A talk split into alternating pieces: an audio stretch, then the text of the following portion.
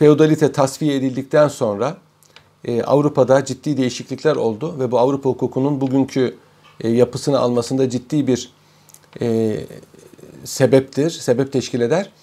14. asırda ve 15. asırda artık e, yeni teknik buluşlar, keşifler gündeme geldi.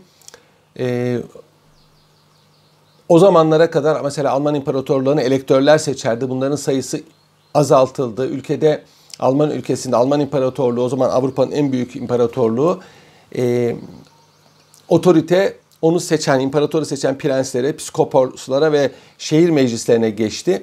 Ve bu Alman İmparatorluğu'nun gücünü ciddi bir şekilde sarstı. E, İngiltere'de ise çok güçlü bir merkezi idare kuruldu. Az sayıda maaşlı memurlar var. Fransa'da kralın sözü her yerde geçmiyor. Henüz daha feodalite tam manasıyla tasfiye edilmiş değil. Fransa'da hala prensler kendi ülkelerini idare ediyorlar. Fransız Birliği'nin kurulması bir hayli sonra olmuştur. Fakat tabi Fransa büyük bir ülke. Yani İngiltere topraklarından daha geniş bir toprakları var kralın.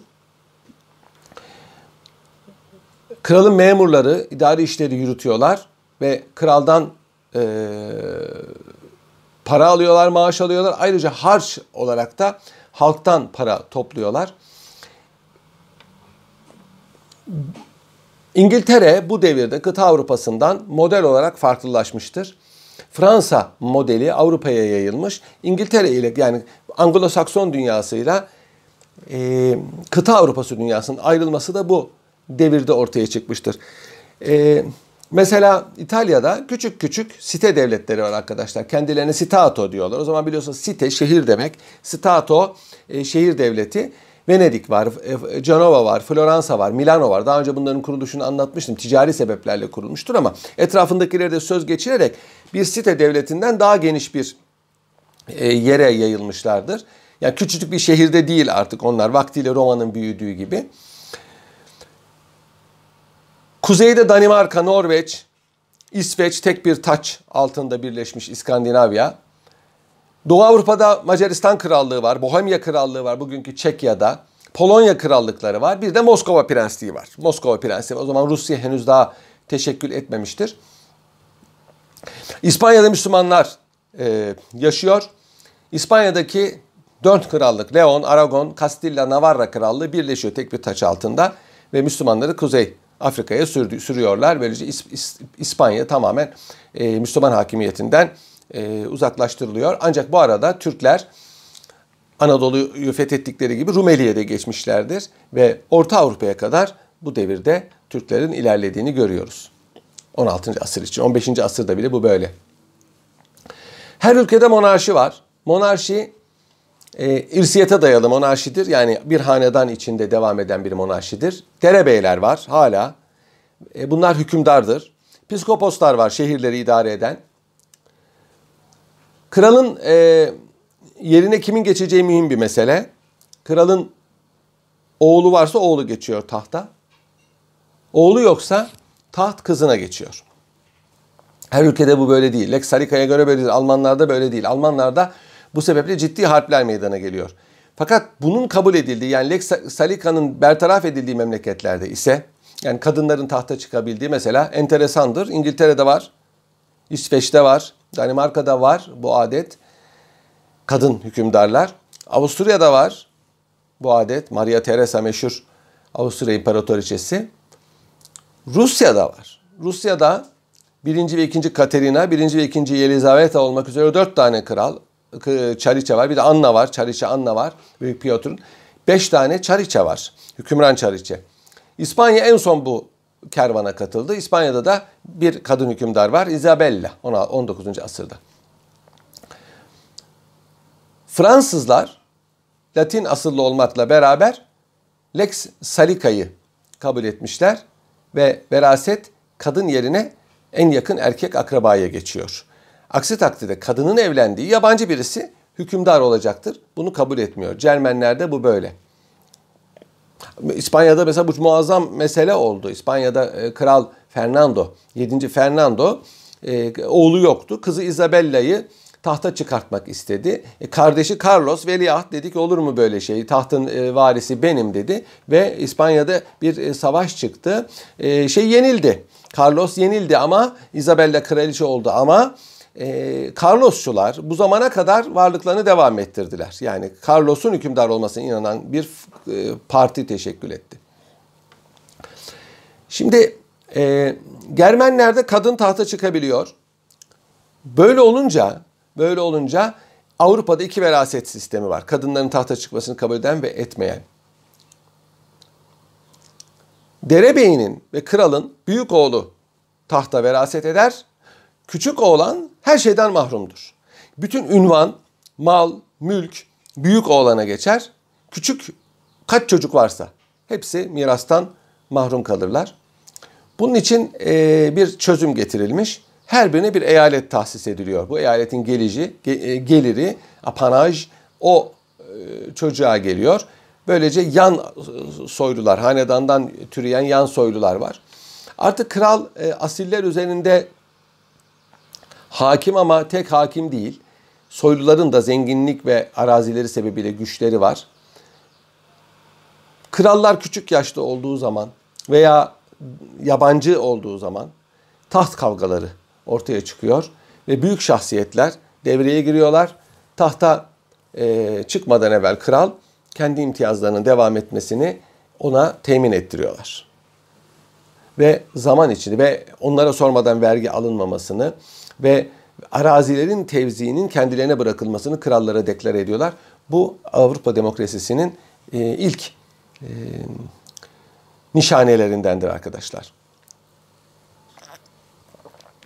İşte arkadaşlar orta çağda teşekkül eden siyasi müesseseler modern e, monarşilerin zeminini teşkil eder. Modern monarşilerde demokrasinin zeminini teşkil eder. Orta çağ bir cihetle karanlık bir çağ olmakla beraber aslında pek çok e, parlak felsefi fikrin de e, nüvesini bulabileceğimiz bir devirdir. 12. asırdan itibaren arkadaşlar kralların kendi meclisleri olduğu gibi ayrıca bir de hususi mahiyetiyle mahiyetinden teşekkür eden danışma meclisleri vardı. Bir büyük meclisler var, bir nevi parlamento. Bir de kendi yakın kabine gibi düşünebilirsiniz. Cortes, Cortes İngilizce kurt e, saray demek. Kur e, Fransızcası, ku e, Cortes İspanyolcası. E, burada e, ileri gelenler toplanıyor. Krala hususi müşavirlik yapıyorlar. 13. asırda İngiltere'de parlamento ilk defa bu isimle toplanmıştır. Burada sadece derebeyleri, soylular değil, toprak sahipleri de temsil ediliyor. E, İskoçya kralı da bu adete uydu. Arkasından Fransa kralı bu e, adete uydu ve e, üç eta yani ruhban sınıfı, üç sınıf, e, asiller ve burjuvalar Fransa'da e, üç sınıfı teşkil eden bir meclis kurdu Fransa. Kralı buna Eta Genero adı veriliyor. Almanya'da böyle bir meclis var. Landtag, memleket meclisi. Burada da yine e, aynı mealde bir meclis. İspanya'da var.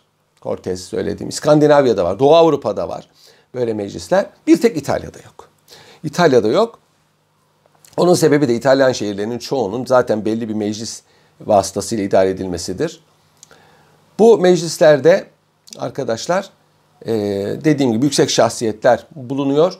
Bunların tabi sayısı e, çok olan rahipler de buraya delege gönderiyorlar.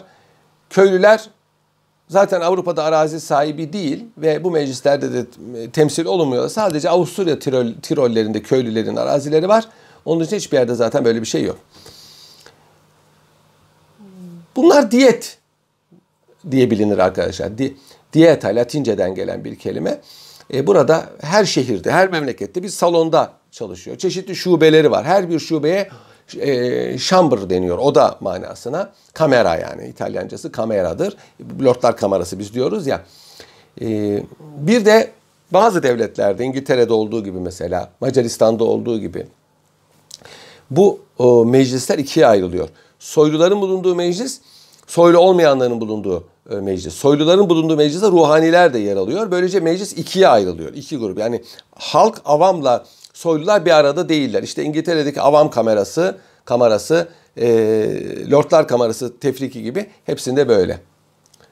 Fransa'da üç türlü bir ruhbanın teşkil ettiği e, kısım var. Bir soyluların teşkil ettiği bir kısım var. Bir de TIE denilen üçüncülerin teşkil ettiği bir e, kısım var. Onlar burjuvalar. Almanya'da Almanya'da derebeyler, heren ve e, gentilhomlar yani küçük soylularla şehir meclislerine mensup kişiler yani burjuvalar, burjuvalar, şehirliler var. Bu da üç kısım.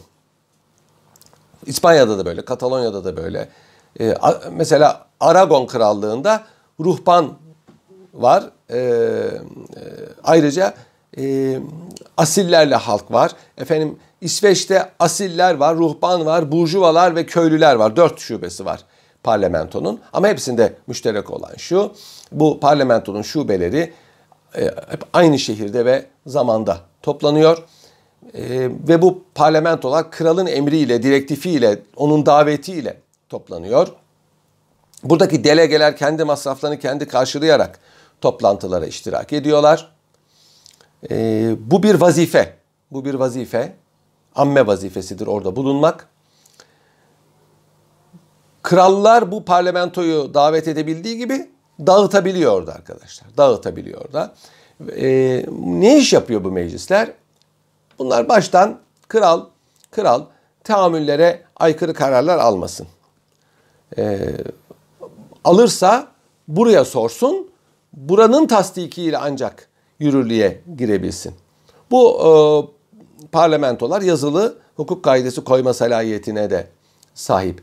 Mülkiyet hakkı dokunulmazdır arkadaşlar öteden beri ve vergi almak da buna bir müdahale oluyor. Mülkiyet hakkında bir müdahale oluyor. Onun için kral vergi alabilmek, kralın vergiye ihtiyacı var. Harcamalarını karşılayabilmek için. Vergi koyabilmek için de mülk sahiplerinin rızasına ihtiyacı var. İşte parlamentolar esas bu işi yapıyor arkadaşlar. Yani esas bu parlamentoların kuruluş sebebi ne şu ne bu? Vergi meseleleridir. Vergi para ve mülkiyete müdahale. İşte parlamentoya sormadan, oradan onay almadan kralın vergi koyması mümkün değildir arkadaşlar. Bunu yaparken yani parlamento da biliyor ki krala vergi verilmesi lazım. Bunu yaparken de bazı tavizler koparıyor kraldan. İşte demokrasi böyle doğmuştur arkadaşlar. Ve anayasa hukukundan daha eski olan vergi hukukudur. Vergi hukuku anayasa hukukunu doğurmuştur.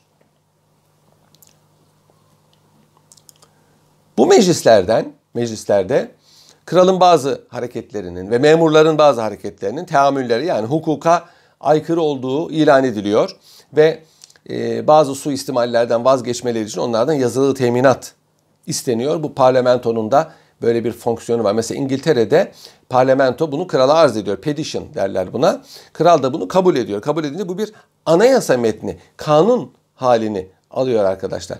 Bu o, kapitülatio denir buna Doğu Avrupa'da. Anlaşma demektir kapitülatio. Kapitülasyon zaten oradan geliyor. Madde madde. Kapitüla madde demek zaten. Madde madde. Bu o, orta çağın en mühim hususiyetlerinden bir tanesi bu parlamentolar ve parlamentolar vasıtasıyla arkadaşlar demokrasinin nüvesinin ortaya çıkmasıdır. Şimdi kral memleketi idare ederken paraya ihtiyacı var dedik. Bu parayı nereden temin ediyor? Arazi mahsullerinden vergi alıyor. Para bastırma hakkı var. Bundan e, belli bir miktar ücret alıyor. İşte e, pazar yerlerinden okturuva vergisi alıyor. İşte ayak bastı parası alıyor bir yerden bir yere gidenlerden. Ayrıca para cezaları suç işleyenlere veya suçluların mallarının müsaadelesi gibi e, paralar geliyor. Bir de derebeylerinden para istiyor zaman zaman. Yardım istiyor savaş zamanı. O zamanlar ordu yok. Herkesin kendi mayiyeti var. Muntazam ordu kurulmaya başlanınca Avrupa'da bu paralar yetmedi. Çünkü ordu çok büyük bir para. O zamana kadar nasıl yürüyordu bu iş? Barbar e, ananelerine göre e, insanlar toplanıyorlar. Bir savaşlı ordunun, bir kontun kumandası altında savaşa gidiyorlar. Ondan sonra dağılıyorlar. Bu böyle olmadı. Ee, onun için memleket memleket e, istilaya uğradığı zaman e, istilaya uğradığı zaman e, kral derebeyi e, memleketi korusun diye ona para ödüyor. Para ödüyor. E, seferberlik halinde. Bu böyle olmaz. Bu böyle olmaz. Devamlı savaşlar, eskisi gibi değil, savaşlar uzun sürüyor artık. Öyle muharebelerle falan biten savaşlar değil. Ve 12. asırdan itibaren arkadaşlar Avrupa'da e, muntazam askerler, profesyonel askerler, soldatlar e, türediler. İngiltere ve Fransa'da bunların ilk halini görüyoruz. Artık e, hükümet tek tek askerlerle anlaşmıyor. Bir kişiyle anlaşıyor. Müteahhit gibi git diyor adamlarını getir diyor. E, şeftir bu. Kapo. Kap, reis baş demek. Kapitan oradan gelir. Yüzbaşı demektir. O da adamlarını getiriyor. Kompanyon, e, bölük getiriyor ve orduya e, dahil oluyor. İşte bu ordular nasıl e, finanse edecek? Vergi lazım. İşte e, kralın vergi toplaması lazım. Bu toplanan vergilerde e, meclislerin eline koz veriyor. Böylece mülkiyetin korunmasına dair olan hukuk kaidesi demokrasinin inkişafına e, dolaylı da olsa hizmet etmiştir arkadaşlar. Yani hukuk sayesinde demokrasi doğmuştur. 13. asırdan itibaren arkadaşlar krallar hem servetten hem de ticari e, münasebetlerden vergi aldılar. Vasıtalı ve vasıtasız vergiler aldılar. E, derebeylik zamanından beri kralın ihtiyaçları için para toplamak e, hakkı var. Bu hakkı ileri sürdüler. Vasıtasız vergiler bir köyün veya bir şehrin, bir kasabanın üzerine konuyor. Herkes hissesine düşeni ödüyor. Bunun dışında her muameleden belli bir yüzde vergi alıyor. Vergiyi toplamak amme harcamalarını karşılaması için yapılıyor. Ancak töreye aykırıdır. Alman töresine vergi toplamak yok. Yalnızca ihtiyaçlar için vergi toplanır ve muvakkat olması lazımdır vergi toplamanın. Devamlı vergi toplanmaz. Ee, peki prensler ihtiyaçları nasıl karşılayacaklar? Onların arazilerinin muntazam geliri var. E, kralın da arazinin muntazam e, geliri var. Mesela bazı krallar ölüyor, koymuş olduğu vergiler kaldırılıyor. Fakat arkadaşlar bu savaşlar sebebiyle bitmek tükenmeyen, bitmez tükenmez savaşlar sebebiyle bu muvakkat olan, geçici olan vergiler neredeyse kalıcı hal alıyor. Halk e, vergi ödemeye alışıyor ve e, artık meclisin rızası aranmaksızın o vergi alınmaya devam ediyor. Ve böylece artık verginin sürekli bir hal aldığını görüyoruz. Ve bu devirde birisi hükümdara ait, birisinde ordunun ihtiyaçlarını yani devlete ait olmak üzere iki tane hazine teşekkül etmiştir. Ki bu adet Türklerde çok eskiden beri var. Bu devir arkadaşlar Orta Çağ devrinde kilisenin otoritesi çok zayıflamıştır daha önce de söylemiştim. Kilisenin e, nüfus sahası çok geniş. Evet kilisenin malları da var. Fakat e, bu e, mensuplarına artık maaş ödemekte zorluk çekiyor ve e, kendi memleketinde e, teba artık kiliseye çok fazla itaat etmiyor. Ruhban sınıfında da bir dejenerasyon var. Ahlaki bir dejenerasyon var. ilmi bir dejenerasyon var. Krallar derebeylerini tasfiye ettikten sonra papa ve kilise üzerinde de nüfus kurmaya çalışıyorlar. Kilisenin bir reforma ihtiyacı olduğu kanaati halk arasında yayılıyorlar, yayılıyor. Vergi toplamak ve vergi toplanan vergilerin muntazam daimi hale gelmesi ve daimi profesyonel ordular arkadaşlar kralların gücünü arttırmıştır. Ve krallar artık adliyenin şefi e, halini almıştır. Hemen her yerde, hemen her yerde krallar gerek derebey mahkemeleriyle, gerek kilise mahkemeleriyle mücadele ettiler. Doğrudan kaldıramadılar. Bu gelenekler kolay kolay kaldırılamıyor. Çünkü bir güç karşı taraf. Ama bunların baktıkları davaları azaltarak bunların nüfuzunu ciddi manada azalttılar.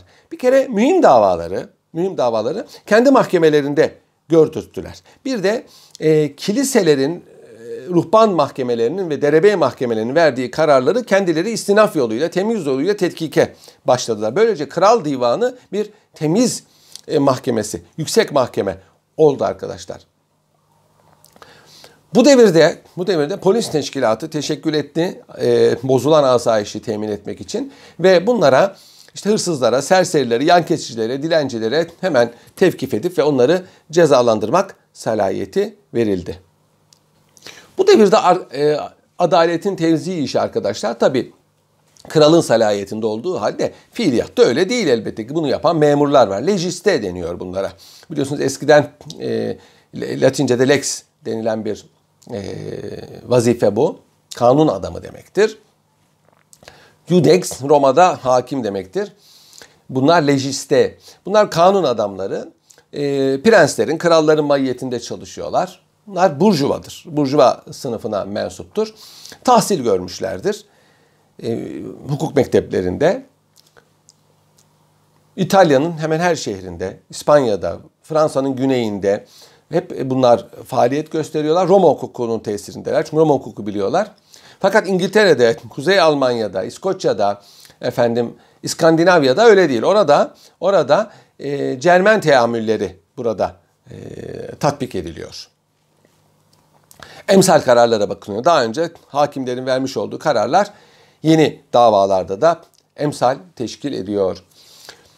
14. asra gelindiğinde arkadaşlar yani Roma hukukunun artık iyice öğrenildiği ve kilise nüfuzunun yavaş yavaş zayıflamaya başladığı bir devirde hukuk ile mevcut teamüller arasında bir mücadele ortaya çıktı. Hükümetler Roma hukukuna karşıydı. Roma hukukunun tatbikini istemiyorlardı. Hatta Fransa kralı Roma e, hukukunun tahsilini bile yasaklamıştı. Çünkü onlar e, Roma hukukundaki adalet fikrinin kendi salayetlerini tahdit ettiğine inanıyorlardı. İngiltere'de ve Almanya'da ise Roma hukuku yabancı bir hukuk olarak görülüyordu ve reddediliyordu. Reddediliyordu. Fakat arkadaşlar ananeler, hukuk ananeleri, teamüller yani töre çok müphem. Yani iyi bilinemiyor ve çok değişken. Yani birbirine yakın mıntıkalarda bile farklı. Bunu kim ta kim tatbik edecek? Kim tespit edecek? Tahsili de zor. Nereden öğreneceksiniz? O zaman hukukçu nasıl yetişecek? Ama Roma hukuku öyle değil. Roma hukuku belli, sabit, değişmiyor ve açık. Ve de doğrusunu söylemek gerekirse adaletin tahakkukuna çok daha elverişli. Üniversiteler gayri, gayet tabi olarak Roma hukukunu öğretiyorlar. Roma hukukunun tahsilini e, veriyorlar. Talebeler de o fakültelere gittikleri zaman Roma hukuku öğreniyorlar. Üstelik kilise en mühimi, cemiyette en büyük rolü olan kilise de Roma hukukuna itibar ediyor ve Roma hukukunu öğreniyor ve öğretiyor. Almanya'da hakimler önlerine gelen davalarda üniversitelerde okutulan onların yazdığı kitaplara müracaat ediyorlar. Hukuk profesörlerine mütalaa soruyorlar. Onların ise çoğu kilise mensubudur ve Roma hukuku tahsili yapmış kimselerdir. Ee, kralların mahiyetindeki memurların çoğu İtalyan asıllı lejistelerdir, kanun adamlarıdır. Onlar da e, mahalle te- tahammülleri bilmezler bile Roma hukukunu biliyorlar ve gittikleri yerde Roma'da, İtalya'da öğrendikleri Roma hukukunu tatbik ediyorlar. Böylece arkadaşlar 15. asra gelindiğinde tahammül hukuku Avrupa'dan yavaş yavaş zayıfladı, silindi diyemem. Yerini Roma hukuku aldı. Veya teamüllerle Roma hukuku birbirine e, karıştı. Ancak İskandinavya ve İngiltere bundan masun kaldı. Orada e, Cermen teamülleri hükmünü devam ettirdi. Mesela Fransa'da hemen hemen Roma hukuku çok hakim oldu. Ancak belli yerlerde mesela işte şahsi davalarda, karı koca arasındaki mal davalı, bilhassa mülkiyete dair davalarda, miras davalarında şeyi muhafaza ettiler. E, ananeyi muhafaza ettiler ama borçlar hukukunda, bilhassa borçlar hukuku biliyorsunuz çok inkişaf etmiştir Roma'nın. Roma borçlar hukukunu kabul ettiler. Tabi böylece mesela e, töre hukuku yani teamüller yalnızca resmi ve aleni bir taahhüdü muteber sayıyor. Halbuki Roma'da yazılı e, ve yeminli e, mukavele kabul ediliyor. Böylece e, hukuki telakkiler değişti. Bu devirde arkadaşlar mesela derebeylerinin e, askeri hizmet e, sözü verdiği zaman e, onun fiyefi var. Buradan intifa ediyor. İntifa hakkı devam etti. Yani töre ile Roma hukuku bir arada yürüdü. Hukukçular arkadaşlar hükümdarın hoşuna giden şey kanundur. Mealindeki Roma hukuku kaidesini e, hükümdarlara bir nevi rüşvet olarak ileri sürdüler. Ve hükümdarların, kralların ediktumlar yani emirnameler neşretmesi imkanını tanıdılar. Böylece arkadaşlar e, imparator ve işte krallar Roma hukukunun e, teamüllerin üstüne çıktı. Roma hukuku da en üste yerleşti. Böylece bir e, hukuk e, inkılabı oldu Avrupa'da. Muhakeme usulleri tamamen değişti. Bir kere e, töre yani Cermen teamülleri bir kere gözle görülmeyen bir kaideyi anlamaktan aciz, bir hukuk tasarrufunu ancak gözle görülür fiillerle ifade edildiği zaman anlayabilen cahil, cahil kimseler tarafından meydana getirilmişti. Onun için semboller çok güçlüydü teamüllerde. Mesela muhakeme ortada hiçbir yazılı e, vesika hazırlık olmadan tamamen tarafların birbirleriyle mücadele etmesi şeklinde cereyan ediyordu. Ee, söylenmesi gereken formüller var. Bu formüller söylenecek. Bunlardan birini eksik yaparsanız kaybedersiniz. Ee, bu böyle bir e, durum var. Cezalarda şahsilik prensibi, e, ceza, suçun işlendiği haller ve şartlar nazara alınmadan e, konulmuş kaidelerdi. Mesela adam öldüren bir kimse kasıtlı mı değil mi bakılmadan mesela idam ediliyor. Efendim hayvanlara ceza veriliyor bir insanı öldürdü diye. İşte ölüler e, cezalandırılıyor. Suçlunun ailesi cezalandırılıyor. Beden, e, bedeni ve mali cezalar çok ön planda. Hapishaneler yok. Hapishaneler sadece esirler içindir. Esirler orada e, muhafaza edilir.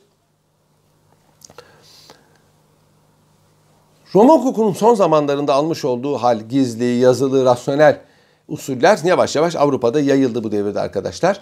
Hukuk davalarında hakim önce evrakı tetkik etmeye başladı. Ceza davalarında ise kastı araştırmaya başladı. Ee, mahkemeler ex officio kendiliğinden e, resen harekete geçmeye başladı. İşte e, suçluyu takip ediyor, yakalıyor, tevkif ediyor, ta- tahkikat yapıyor ve bunları gizli yapıyor. Gizli yapıyor. Ee, tabii e, itiraf da çok mühim. İtiraf edebilme, alabilmek için işkenceye de müracaat edilebiliyor.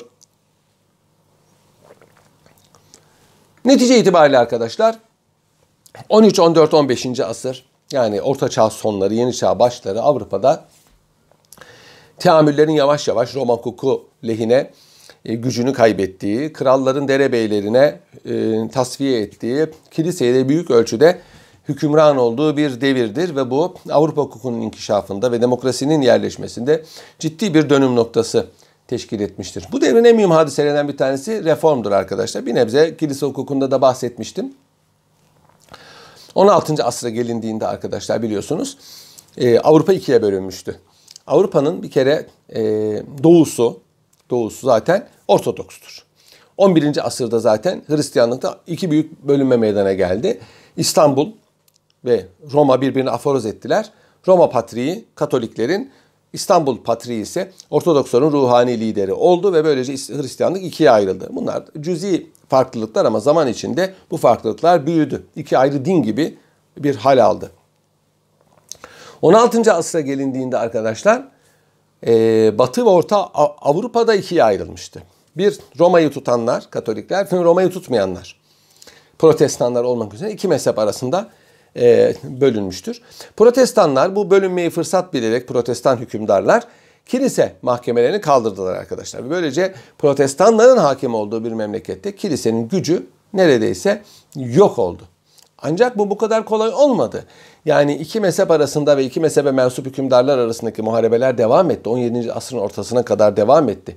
Bunları biz mezhep e, harpleri diyoruz. İşte 30 yıl savaşları gibi. Nihayet 1648 yılında bir Vesfalya Kongresi Münster'de tertiplendi belediye binasında. Bu o, kongreyle, bu kongreyle barış yapıldı. Protestanlarla Katolikler arasında bir barış yapıldı. Bu kongre, Vesfalya Kongresi arkadaşlar, milletler arası hukukta ehemmiyetli yeri olan bir kongredir ve daha sonraki e, bütün sulh kongrelerine numune teşkil etmiştir. Kuzey Almanya, Hollanda, İskandinavya ve İngiltere protestan. Fransa, İspanya, Portekiz, İtalya, Avusturya ve Güney Almanya, dolayısıyla Macaristan, Çekya, Hırvatistan, Katolik, Polonya Katolik olmak üzere ikiye ayrıldı. Halk, halk hükümdarın dininde kabul ediliyor. Yani hükümdar hangi mezhepteyse halk da o mezhepte kabul ediliyor. Ee, böylece Avrupa'yı kasıp kavuran mezhep harpleri sona erdi. Sona erdi. Bu e, İtalya'yı, İspanya'yı, Portekiz'i ve hatta Almanya'yı iflasa sürükledi arkadaşlar bu mezhep harpleri. E, bu harplere katılmayan İngiltere ve Hollanda çok güçlendi. Çok zenginleşti. Bir yandan da ticaret yaparak çok zenginleşti. Yine bu harplerin sona ermesi Osmanlıların Avrupa'daki ilerleyişini de durdurdu. O zamana kadar Osmanlılar bu mezhep ihtilaflarından istifade ederek Avrupa'da ilerliyorlardı. Mezhep itilaflarının bitmesi Osmanlı'nın da Avrupa'daki ilerlemesini sonuna e, sona getirmiştir. Protestanlar kilisenin nüfuzunu minimal seviyeye indirdiler, ruhani mahkemeleri kaldırdılar. Fakat Katolik hükümdarlar da kendi memleketlerinde kiliseyi kontrol altında tuttular. Kiliseyi yeni baştan tanzim etmeye çalıştılar. Papa ile anlaşmalar yaptılar. Biliyorsunuz Papa ile yapılan anlaşmalar konkordato deniyor. Ve e, krallar fiiliyatta en yüksek rütbeli ruhani seçme salayetini aldılar. E, Papa'nın da tabi e, ünvan bahşetme ve bazı ruhani vergiler alma hakkı vardır. E, fakat protestanlarda kilise tamamen hükümdarlar tarafından tanzim ediliyor.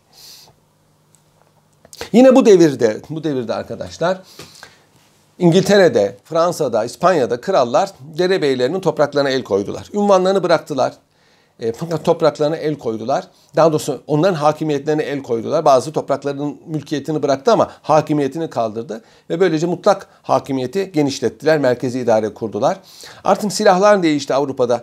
Ateşli silahlar yayıldı. Harpler şekil değiştirdi. Uzun süreli harpler ortaya çıktı. Krallar artık bir savaş kumandanı olmaktan çıktı. Sarayda oturan, devleti idare eden diplomat krallar e, hüviyeti ortaya çıktı. Nitekim Osmanlı Devleti'nde de böyledir. Osmanlı Devleti'nde de artık padişahlar sefere çıkmamaktadır. Çünkü e, harpler eski harpler değildir. Eski harpler değildir. Bu sebeple Osmanlı padişahlarını e, ve kralları sefere çıkmamakla itham etmek yersizdir. Çünkü devir değişmiştir. Kral gidecek senelerce harp e, meydanlarında gezecek. Bu Napolyon gibi ancak e, hayatını harbe adamış hük- e, hükümdarlar için belki mevzu bahis olur. Ama arkadaşlar bu savaş lordu hüviyetini kaybetmesi bilhassa Orta Avrupa'da kralların karizmasını, otoritesini ortadan kaldırdı. İmparator artık Orta Avrupa'da sözü geçmeyen bir hükümdar e, hüviyetine büründü. Görünüşte bir müşterek hükümet var. Alman İmparatoru, Mukaddes Roma Cermen İmparatoru. Hatta bir imparatorluk mahkemesi var. Kammersgericht ama ama e, artık imparatorun bir nüfuzu yok. O zaman Mukaddes Roma Cermen İmparatoru bugünkü Almanya, Avusturya, İtalya'nın büyük bir kısmı, İspanya, Hollanda bütün bunlara hakim arkadaşlar. Beşinci Karl, bizim Şarken dediğimiz beşinci Karl son Mukaddes Roma Cermen İmparatoru sayılır hakikatte. E, bundan sonra artık İspanya ayrılmıştır, Napoli ayrılmıştır, Hollanda ayrılmıştır, Avusturya, Al- Almanya bile birbirinden ayrılmıştır. 1804'e kadar ismen devam etti ama bu devirde artık fiilen ortadan kalktı. Beşinci Karl bütün Alman İmparatorluğuna cari olan bir ceza kanunu Carolina diye bilinir neşretmişti. Ama artık ondan sonra dediğim gibi imparatorluk dağıldı. İmpar Almanya bile iri ufaklı küçücük devletlere e, bölündü. İmparator sadece Avusturya'nın hükümdarı oldu. Sembolik olarak yine Mukaddes Roma Cermen İmparatoru ama sözü sadece e, Avusturya'da geçiyor. Ama Avusturya deyince de yani bugünkü Avusturya efendim Kuzey İtalya, Venedik falan, Milano, başka Hırvatistan, Dalmaçya sahilleri, efendim daha sonra Bosna Hersek biliyorsun 1878'den sonra. Bugünkü Çekya, Slovenya, Slovakya, Macaristan, e, Osmanlılardan aldılar biliyorsunuz. Polonya'nın bir kısmı, Ukrayna'nın bir kısmı o zaman e, Avusturya e, Macaristan İmparatorluğu'na dahil. Yani çok geniş toprakları var. Şimdiki gibi düşünmeyen Avusturya şimdi çok küçük bir memleket. Bu devirde bu devirde otoritesi sarsılan sadece Avusturya İmparatoru olmadı. İskandinav Birliği de dağıldı arkadaşlar. İsveç ve Danimarka iki devlet oldu. Norveç Danimarka'ya ait, efendim Finlandiya e, İsveç'e ait. Zaman zaman el değiştirmiştir. Polonya siyasi istikrarsızlığa uğradı. Polonya'da güçlü bir hanedan olmadığı için arkadaşlar kral seçimle başa geliyor. Bu da bir zaaf alametidir. Dolayısıyla e, soyluların sözü geçiyor orada. Kralın sözü geçmiyor ve bu sebeple Polonya tarih boyunca defalarca Almanlar ve bilhassa Ruslar tarafından işgal edilmiştir. Hele Osmanlı Devleti'nin e, koruyuculuğunu kaybettikten sonra Polonya e, tarih boyunca ehemmiyetli bir devlet olmaktan çıkmıştır. Bu arada Doğu, Doğu'da bir yükselen güç var. E, Moskova Prensliği Kiev Prensliği ile birleşti. Novgorod'u da ele aldı ve Kırım Hanlığı'nın hakimiyetinden çıkarak Avrupa'nın güçlü devletlerinden bir tanesi olmaya başladı bu devirden itibaren. Arkadaşlar 17. asra geldiğimiz zaman artık bütün monarşilerde bir kralın yakın çevresini teşkil eden Privy Council İngiltere'deki Curia Regis e, Fransa'daki mi bir kral divanı var. Kral divanı var. Ama zaman içinde artık krallar güçlendikçe bu meclisler sembolik bir hal aldı. Kralın çok yakın çevresi var. Sadece onlara danışıyor ve bunların resmi bir hüviyeti de olmayabiliyor. Bunlar arkadaşlar e, gizli yazışmaları yürütüyorlar ve her şeyden onlar haberdarlar. Kurye regis sembolik. İşte bunlar zamanla Minister d'Etat oldular. Yani e, bakan oldular. Bakan oldular ve bunlar bir araya gelip meşveret ettikleri yere de kabine dendi. Kabine çalışma odası demek biliyorsunuz. Kabin. Böylece bakanlar kurulu meydana geldi. E, zamanla bu bakanları, minister detaların her biri belli sahada ihtisaslaştı ve ayrı bir mesela İçişleri Bakanı, Dışişleri Bakanı, Milli Müdafaa Bakanı gibi e, paylaştı. E, vazife paylaşımı yaptılar. İsveç'te, Polonya'da, Macaristan'da ayrıca e, soyluların hakim olduğu meclisler var. Memleketi onlar idare ediyorlar. Hele hele kral küçükse, e, zayıfsa bunlar memlekette hakimler. Rusya'da Duma adıyla bir meclis var. Boyarlar, soylular, toprak soyluları orada söz sahibi. Ama zamanla dediğim gibi monarşiler, monarşiler güçlenmiş ve bunları bertaraf etmiştir. İngiltere'de arkadaşlar, İngiltere'de arkadaşlar e, her memleketin ileri gelenlerinin e, ücretsiz olarak idare edildiği bir muhtariyet hali var. Self-government hali var. Fransa'da işler merkezi hükümetin emirlerine pek kulak asmayan burjuvaların elinde. Hükümet bu fiili muhtariyete mecburen göz yumuyor ve şehirdeki o şehirlerdeki memurları söz geçirebilmek için burjuvalar arasından e, istediği zaman seçtiği, azdettiği birer komiser tayin ediyor. E, bu kişiler adli işlerle, zabıta işlerle, maliye işleriyle e, uğraşıyorlar ve bunlar dere aynı zamanda derebeylerin ve burjuvaların da nüfuzlarını kırmıştır bu merkeze bağlı. Ayrıca bir de savaş komiserlikleri var. Biraz Almanya'da var bu. E, kralın arazisindeki askeri işlere bakan. İmparatorluklar böyle idari e, birimlere bölünmüştür. İngiltere'de, Fransa'da, Almanya'da, Almanya'da Landrat mesela Almanya'daki haliyle. Bunlar e, aslında birer askeri birimdir arkadaşlar. Aynı zamanda da e, yerinden idare etmek büyük devletlerde, haberleşmenin olmadığı devletlerde bu daha kolay bir idare sağlıyor. Başına bir adam gönderiyor merkez. Biraz geniş salahiyetlere sahip. E, bu bu kişi orayı idare ediyor. Avrupa mülki e, yapısı, vilayet sistemi böyle ortaya çıkmıştır. Bu devirde adalet kralın elinde arkadaşlar ama kral fiilen hakimlik yapmıyor. Hukukçular tayin ediyor. Hukuk tahsili yapmış hakimler. Ee, ancak İngiltere bundan müstesna. İngiltere'de hukuk tahsili aranmıyor. Eşraftan olmak kafi sulh hakimliği için. Her hakimlik içinde sulh hakimliği için. Polonya'da Macaristan'da diyet seçiyor. O meclisler, e, asiller meclisi hakimleri seçiyor. Bunun dışında bir de fevkalade mahkemeler var. İşte Star Chamber gibi İngiltere'deki fevkalade mahkemeler. Bunlar e, devletin siyasi hasımlarını bertaraf etmek için kullandığı e, mahkemelerdir. Bu Fransa'da da böyle, Almanya'da da böyle, İspanya'da da böyle.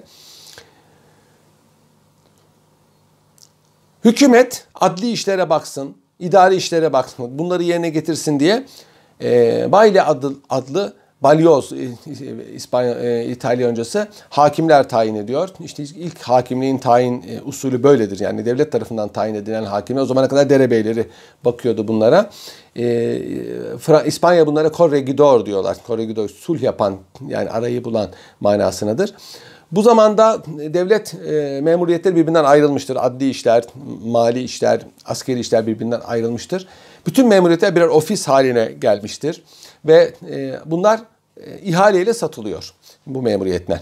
Parayı bastıran bu memuriyeti alıyor ve bunlar da umumiyette burjuvalardır arkadaşlar. Bu alıcılar da burjuvalardır ve e, burjuvaların güçlenmesi, siyasi idareye e, girmesi de bu vesileyle olmuştur. Parayı bastırıyor, hakimliği alıyor, vergi tahsildar. Onun geliri var ama. Ayrıca geliri, o gelir onun karı oluyor. Parayı veriyor ama e, gelir elde ediyor. Aynı zamanda da bir siyasi prestij elde ediyor. Bu sefer ne oldu? Devlet de halk arasında bir problem. Bunun için müfettişler tayin etti devlet. Yani bunları kontrol edebilmek için bu mahalli idareleri e, müfettişler tayin etti. Vergiler söylemiştim daimi hale geldi.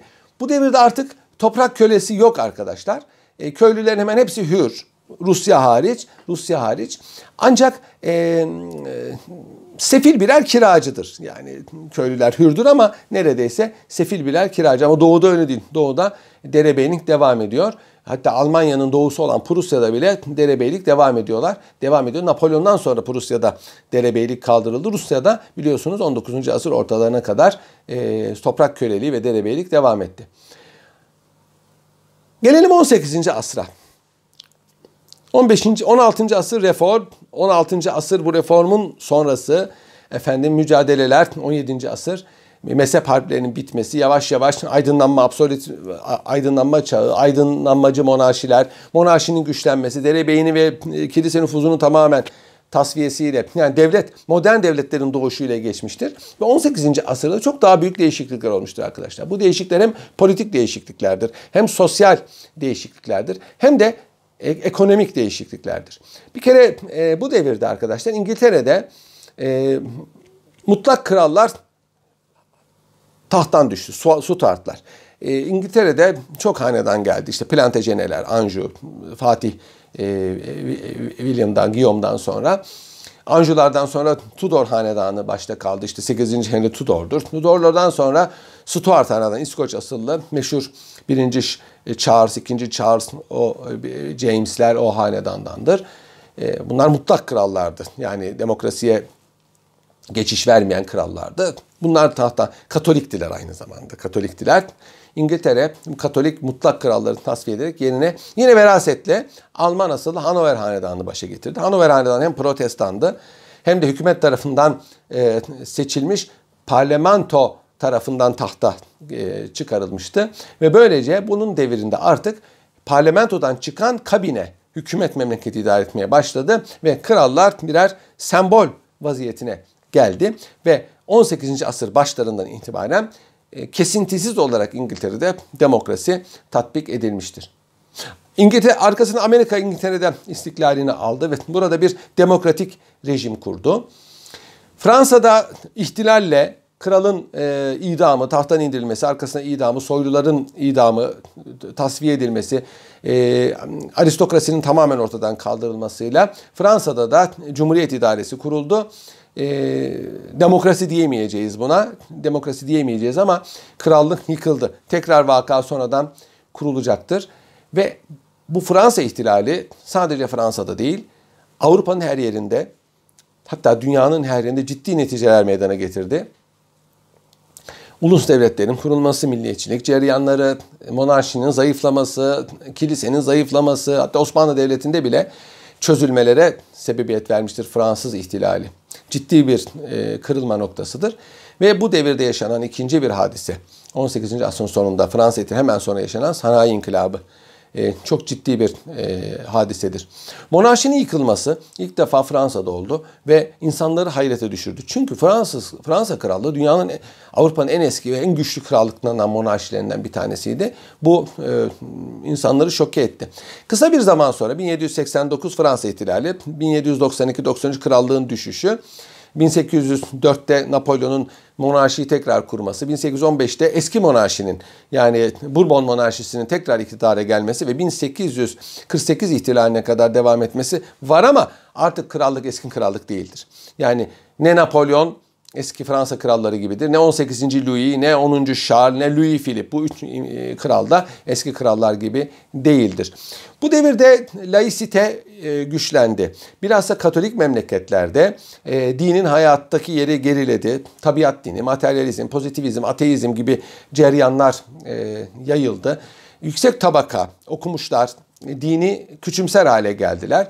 Hatta Fransız ihtilalinde din yasaklandı. Ruhban sınıfı sindirildi. Napolyon tekrar e, Papa ile konkordato yaparak dine izin verdi ama e, piskoposların seçimini Fransa hükümeti elinde tuttu. E, normale döndüğü zaman her şey artık Fransa'da ne dinin ne ruhbanın ne katolikliğin eski gücü kalmıştı. Dünyanın en güçlü katolik devleti olan Fransa e, da katolikliğin ismi kalmıştı. 1848'den sonra laikliği benimsedi ve 1905'te bunu resmen devlet rejimi hale getirdi. Laiklik yani devlet idaresinde din kaidelerinin sözünün geçmemesi demek. Yani devlet idaresiyle din kaidelerinin birbirinden ayrı olması demek. Bir başka tabirle ilahi iradenin yerine beşeri iradenin geçmesi demektir ki laikliğin esas e, e, tarifi budur arkadaşlar. Bu e, laiklik e, prensibi Fransa'dan sonra bütün dünyaya da model olmuştur. Böylece arkadaşlar Avrupa'da hukuk telakkisini tamamen değişmiştir. Yani dinin hiçbir rolünün olmadığı ki laikliğin olmadığı memleketlerde bile bu böyledir. Çünkü zaten e, kilisenin çok ciddi bir hukuk sistemi yoktur. Bunu daha önce size anlatmıştım. Bu devirde sadece kilise değil arkadaşlar, soyluların da siyasi ve sosyal rolleri çok azalmıştır. E, Burjuva sınıfı güçlenmiştir. Bir kere e, keşiflerle, keşiflerle e, yeni dünyanın ham maddeleri, yeni, sadece yeni dünya değil, Asya'da da keşfedilen yerlerle Avrupa'ya akmaya başladı. Ve oradaki altın gümüş Avrupa'ya akmaya başladı. Avrupa çok zenginleşti. Çok zenginleşti. Nüfus arttı zenginleşti. Avrupa'nın zaten coğrafyası da buna müsait. Ve bu ham madde ve para sermaye birikimi doğurdu. Sermaye birikimi sanayi inkılabını meydana getirdi. E, buluşlarla, keşiflerle ve Avrupa'da ciddi fabrikalar kuruldu. Başta İngiltere olmak üzere. Ve bu mahsulleri, mamullerin satılacağı yerler sömürgeciliği biliyorsunuz doğurdu. O e, bahsi ahardır. Ancak bu devirde bu sayede burjuva sınıfı yani küçük esnaf, tüccar sınıfı yükseldiler ve cemiyete ciddi rol oynadılar. Demokrasinin gelişinde Avrupa'da modern sanatın, bilimin ilerlemesinde soyluların çok rolü olmuştu ama bu devirde artık babadan oğula intikal eden bir sınıfın yeri yoktu ve burjuvalar e, aristokratların rolünü sildiler. Öyle ki pek çok aristokrat aile ortadan kalktı. Söndü yani söndü. E, fakir düştü. Arazilerini sattılar hatta ünvanlarını sattılar. Boşalan ünvanlar burjuvalara, sıradan insanlara geç. Yahudilerin bile bu devirde ünvan aldığını görüyoruz. E, böylece böylece e, İngiltere'de mesela parayı bastırıyorsunuz, bir malikane satın alıyorsunuz, bir gentry alıyorsunuz, bir soyluluk sınıfı elde ediyorsunuz. Almanya'da prensler memurlara asanet ünvanı dağıtıyorlar, sadık memurlarına. Ee, Rusya'da bir memuriyet elde ederseniz o memuriyet asillere aitse siz o asil sınıfa giriyorsunuz. Ee, böylece e, yeni bir soylu sınıf meydana geldi. Burjuva soyluları meydana geldi. Fransa'da zenginse bir adam isminin başına de koyuyor. Ee, işte Albert d'Anjou, Anjou'lu Albert oluyor soylu bir sınıf. Tabi her yerde burjuva sınıfı yok. Sanayi inkılabının olmadığı yerde burjuva sınıfı yok. Macaristan'da yok mesela. Polonya'da yok, Romanya'da yok, Baltık memleketlerinde yok. Orada yine asiller sınıfı bir müddet daha devam etti. Protestan ülkeler memleketlerinde rahipler de bir sınıf olmaktan çıktı. Halka e, karıştılar. E, sıradan papazlar burjuva sınıfına dahil oldular. Yüksek papazlar aristokrasi ile kaynaştılar. E, Katolik memleketlerde manastırlar yavaş yavaş ortadan kalktı. Kilise malları layıkleştirildi, devletleştirildi veya mecburen kilise bunları sattı. Böylece ruhban sınıfının hem sayısı hem serveti dolayısıyla cemiyetteki rolü e, ortadan kalktı. Yine bu devirde Bilhassa 1848'den sonra milliyetçi ceryanlar bütün Avrupa'ya yayıldı. Avrupa'nın siyasi haritası değişti. Bir kere paramparça iki memleket İtalya ve Almanya'da bir devlet kuruldu. Almanya ve İtalya. Bu devirde hemen hemen bütün Avrupa devletlerinde meşruti monarşi vardır. Parlamento kanunları o yapıyor. Kralın rolü ciddi manada azalmıştır. Hükümetler memleketleri idare ediyor. Her yerde aynı değil ama umumiyette böyle. Bir anayasa hukuku teşekkür etmiştir artık. Yani halkla devlet arasında bir anlaşma var. Bu anlaşma e, halkı korumak için devlet vazifeli. Halkın temel hak ve hürriyetlerini devlet teminat altına alıyor. Buna bir sosyal kontrat diyoruz. E, bu teori bu devirde yayıldı ve e, anayasa hukukunun esasını teşkil etti. Tabii her memlekette böyle değil. Bazı memleketlerdeki meşruti monarşi sözdedir. Krallar veya soylular oralarda hakimdirler. Ama e, kanunları meclisler yaptığı için bu meclisler her istediğinin kanun yapamıyor ama istemediğinden kanun yapmıyor. Böylece kralların kanun yapma e, gücü ciddi manada zayıflamıştır. Ve bu devirde arkadaşlar yeni keşifler, e, sosyal hayatın değişmesi, politik hayatın değişmesi, sömürgeciliğin ortaya çıkması, dünyanın küçülmesi yeni bir hukuk sistemini meydana getirdi ve kanunlar ortaya çıktı. Artık mevcut Roma hukuku, kilise hukuku, teamüller bunlar ikinci plana düştü. E, parlamentolar yeni ihtiyaçları karşılamak için kanunlar yaptı. Hatta Hatta arkadaşlar evet bu devirde değil belki sonraki asırda ama İngiltere'de bile teamül hukukunun, common law'ın en güçlü olduğu memlekette bile artık parlamentonun kanunlar yaptığını görüyoruz. Bu böyle devam ederken bir yandan da güçlü bir hukukçular sınıfı meydana geldi. Kanunları hazırlayan ve tatbik eden güçlü bir hukukçular sınıfı meydana geldi ve memurlar arasında bunlar ciddi bir yer elde ettiler. Ee, 19. asır sona erip de 20. asır başlayınca Avrupa'da e, Cihan Harbi Avrupa'nın yapısını değiştirdi. E, komünist memleketler kuruldu, otokratik idareler kuruldu. İtalya'da, Almanya'da, Türkiye'de, efendim Balkan ülkelerinde. E, bu da e, hukuk sistemini yeniden sorgulamaya sebebiyet verdi ve Avrupa'nın o ananeleri, eski e, kaideleri yavaş yavaş ortadan kalktı. Avrupa'da hukuk artık e, devletin parlamentosu tarafından konulan bu parlamento ister demokratik olsun ister olmasın fark etmez kanunlardan teşekkür etmeye başladı ve bu kanunları tatbik eden okumuş yani alaylı değil okumuş bir hukukçu kitle teşekkür etti. Bu da Avrupa hukukunun Avrupa hukukunun e, modern görünümüdür. Günümüzde de ufak tefek değişiklikler de olsa Avrupa Birliği gibi değişikliklerle de olsa 19. asırda yani 18. asırda başlayan 19. asırda şekillenen halini bugün e, Avrupa hukuku devam ettirmektedir.